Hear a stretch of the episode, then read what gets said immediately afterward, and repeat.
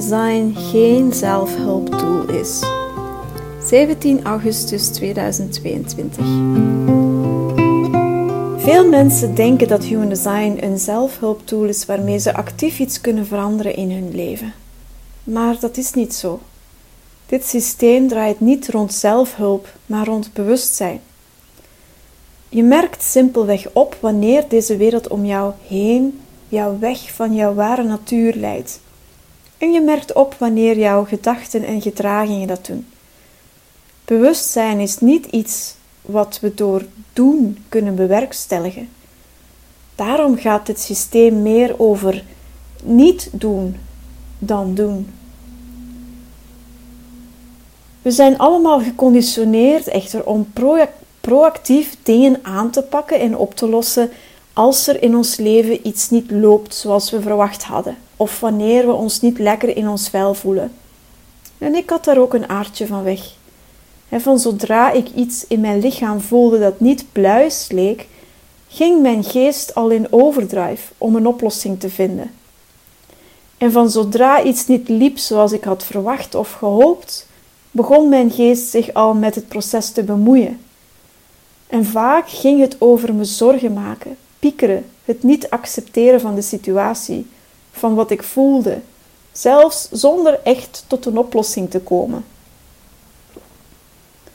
En er zijn tegenwoordig tig coaches, therapeuten en trainers die zich toeleggen op het aanreiken van oplossingen voor allerhande problemen.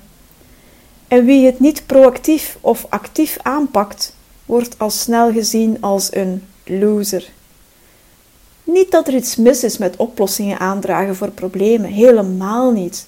Het zit zelfs in mijn design dat ik brenger ben van praktische oplossingen, zowel in mijn profiel 5.1 als in mijn motivatie guild, als in mijn poorten 18 in mijn bewuste zon en 48 in mijn onbewuste maan. Het gevaar sluipt er echter in dat we willen gaan oplossen en fixen vanuit non-acceptatie, puur vanuit de geest die niet kan dealen met hoe de situatie is, die het allemaal niet vertrouwt en de controle niet wil kwijtraken. Daardoor gaan we met de geest ons heel erg gaan bemoeien met allerhande natuurlijke processen waar we eigenlijk nauwelijks weet van hebben. De geest denkt er meer van te weten of gaat wanhopig op zoek naar antwoorden door wat er gebeurt te gaan beredeneren. En zo kan Human Design ook alweer de volgende tool worden om je suf te beredeneren over hoe je jezelf en je leven kan verbeteren, veranderen, fixen, helen en zo verder. Maar daarvoor is Human Design dus niet bedoeld. Eigenlijk weet de geest niets. Alleen het lichaam weet. Door controle te pakken en zich met de natuurlijke processen te bemoeien, creëren we steeds meer chaos en verwarring in ons leven en raakt ons lichaam bovendien uitgeput en ziek. Als we in plaats daarvan ons meer overgeven aan de natuurlijke processen door ons simpelweg bewust te worden van wat er gebeurt, zonder in te grijpen, dan gebeurt er vaak magie. Bewustwording leidt immers van nature tot verandering zonder dat je echt iets hoeft te doen. En zo groeit ons vertrouwen ook dat de geest er helemaal niet altijd bovenop hoeft te zitten. Integendeel, de geest werkt het best ten dienste van het lichaam. Daar is Human Design dan ook voor bedoeld, voor bewustwording. En we worden ons bewust als we de geest op de achterbank van de wagen plaatsen, daar waar het eigenlijk zit, als observerende passagier, passieve deelnemer aan de rit terwijl ons lichaam ons precies brengt waar we moeten zijn. Denk er eens even over na. Hoe snel neem jij bijvoorbeeld een pijnstiller wanneer je hoofdpijn ervaart? In plaats van eerst even in stilte met je lichaam te gaan zitten om te kijken wat het echt nodig heeft. Ik maak me er zelf erg schuldig aan. Het is zo'n gewoonte die ik heb aangeleerd en vele mensen met mij. Het veranderde pas echt toen ik vorige zomer een telefoontje kreeg van mijn moeder met het nieuws dat we een genmutatie in de familie hebben en dat er 50% kans was dat ik het ook had. Pas dan begon ik echt stil te staan bij de beslissingen die ik vanuit mijn geest nam en of die wel zo verstandig waren. Er is sindsdien dan ook enorm veel veranderd, alleen maar door daar aandacht voor te hebben. Ik ben me veel bewuster geworden van mijn lichaam, wat vanzelf tot nieuwe keuzes leidde, keuzes die mijn lichaam beter ondersteunen. It's really about accepting the limitation and being able to exalt it. It's about seeing and not changing, watching this movement in you, seeing who brings out that part of you.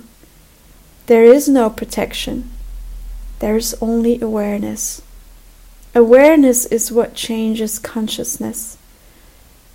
The more aware you are of the mechanics, the more you, your consciousness grows. Dat zei Ra-Uruhu. Dus als ik het even vertaal, het gaat echt over het accepteren van de limitaties, van de beperkingen en om ze te kunnen verheffen. Het, is, het gaat over zien en niet veranderen. Deze beweging in jezelf aanschouwen. Zien wie dat deel van jezelf naar buiten brengt. Er is geen bescherming, er is alleen bewustzijn. Bewustzijn is wat bewustzijn verandert.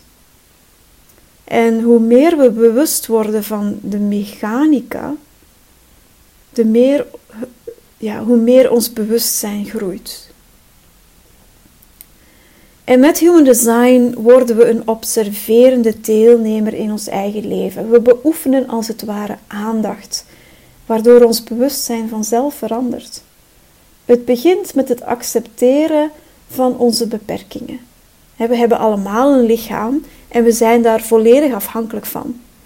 Die beperkingen zijn het begin, de basis. En zolang we deze niet hebben geaccepteerd en omarmd, zijn we nooit helemaal vrij. En zo kan de geest ons vele jaren voor de gek houden. Zo duwt de geest ons telkens weer naar de nieuwste techniekjes, tools, nog een cursus hier, een guru daar, allemaal in de hoop om die verlossing te vinden, die we nooit kunnen vinden via de geest. Zo denkt onze geest dat het actief iets moet doen om te deconditioneren. Maar deconditioneren gebeurt vanzelf via ons bewustzijn. Hoe meer de geest zich daarmee bemoeit, hoe meer we eindigen in ons niet-zelf en dus verder van onze natuur afkomen.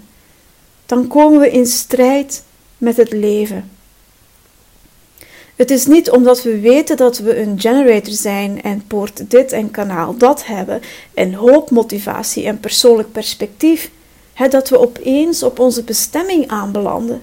Integendeel, het betekent helemaal niets als je het niet ziet en leeft. Het zien en leven begint dus met aandacht. Je observeert als het ware wat er gebeurt. Je ervaart de conditionering. Je bent getuige van je niet-zelfgedragingen. Je ziet de overdracht en de afleiding gebeuren. Maar je verandert niets. Je probeert je niet anders te gedragen. Je probeert niet anders te gaan denken. Je probeert niet om die overdracht en afleiding tegen te gaan. Je probeert niet uit je niet-zelf te stappen. Dat zijn allemaal concepten van de geest die controle wil. Het schept alleen maar meer de illusie dat daar iets aan te doen valt, dat er iets mis is wat gefixt moet worden. Het is niet iets wat je doet. Het leven ontvouwt zich immers vanzelf. En door bewust aanwezig te zijn in ons leven, merken we op dat verandering ook vanzelf gebeurt. Niet omdat we het willen, maar omdat ons bewustzijn er klaar voor is.